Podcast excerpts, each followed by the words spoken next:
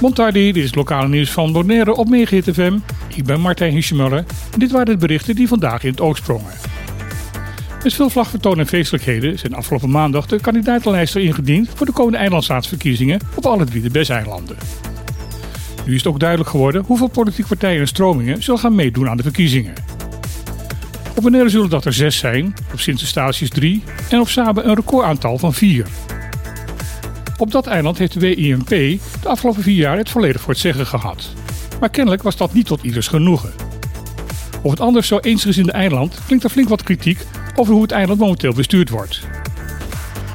De kiezer mag dus op 15 maart gaan uitmaken of deze kritiek zo sterk is dat er een andere politieke koers op de Unspoot Queen gaat komen. De partij CDA Statia is een nieuwe partij op Sint-Eustatius. Deze komt voort uit de voormalige eenmansfractie Snake. Het is de eerste officiële Caribische afdeling van de Nederlandse politieke partij CDA. In Bonaire valt naast de lijsttrekkingswisseling van het NPB de terugkeer in de politieke arena van Ramesite Boy op. Boy was vroeger de onomstreden leider van het UPB en heeft als zodanig vele bestuurscolleges geleid. Nu is hij lijstduwer bij het UPB en heeft voor het eerst in het openbaar zijn steun uitgesproken aan de huidige leider van het UPB, James Kroon. Momenteel zijn de leden van de hoofdstembureaus op de drie eilanden de kandidatenlijsten aan het toetsen.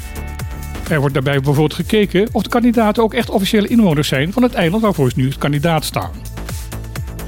Komende vrijdag zullen in de openbare zittingen de bevindingen van deze toetsing openbaar gemaakt gaan worden. Bonaire heeft in 2022 meer stay-over-toeristen mogen ontvangen dan ooit in haar geschiedenis. Maar liefst 170.000 bezoekers wisten de weg naar het eiland te vinden. Dat zijn er 12.000 meer dan in het vorige recordjaar 2019. Het merendeel van deze bezoekers verbleven tussen de 7 en 14 nachten op het eiland. Bijna de helft daarvan kwam uit Europees Nederland en ruim een kwart uit Noord-Amerika.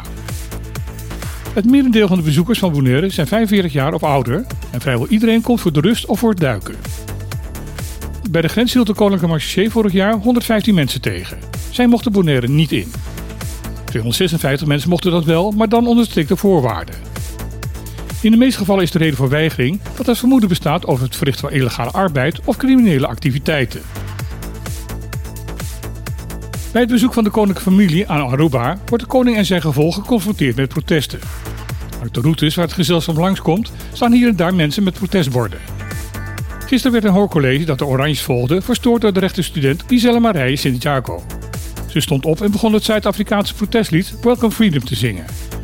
Hierna werd ze door de bewaking uit de zaal verwijderd.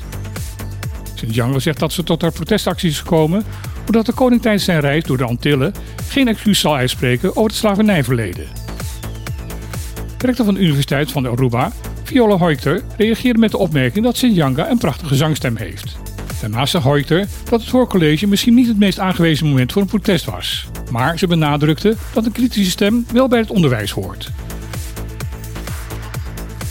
Er is in de Tweede Kamer zeer brede steun om het tijdspad om tot een sociaal minimum te komen voor Caribisch Nederland zoveel mogelijk te versnellen. Dat blijkt uit de motie die door D66er Jorien Buiten is ingediend. In deze motie wordt de regering opgeroepen om ervoor te zorgen dat op 1 januari 2024 een sociaal minimum voor de BES ook echt kan ingaan. De motie wordt door een grote meerderheid van de fracties in de Tweede Kamer gesteund. Minister voor Armoedebeleid Carole Schouten heeft er echte bedenkingen bij. Voor haar is nog niet duidelijk of deze deadline ook echt gehaald kan worden. Ze vindt de motie wel sympathiek en wil deze ook wel steunen, maar voegt er daarbij zoveel mits en maren aan toe dat het uiterst twijfelachtig is of de gewenste datum van 1 januari ook echt gehaald gaat worden. In dat geval zal een groot gedeelte van de Caribisch-Nederlandse bevolking minimaal een jaar langer moeten gaan wachten op een fatsoenlijk minimuminkomen. Dit was weer het lokale nieuws op Megahit FM van vandaag. Ik wens iedereen nog een hele mooie dag en dan graag weer tot morgen.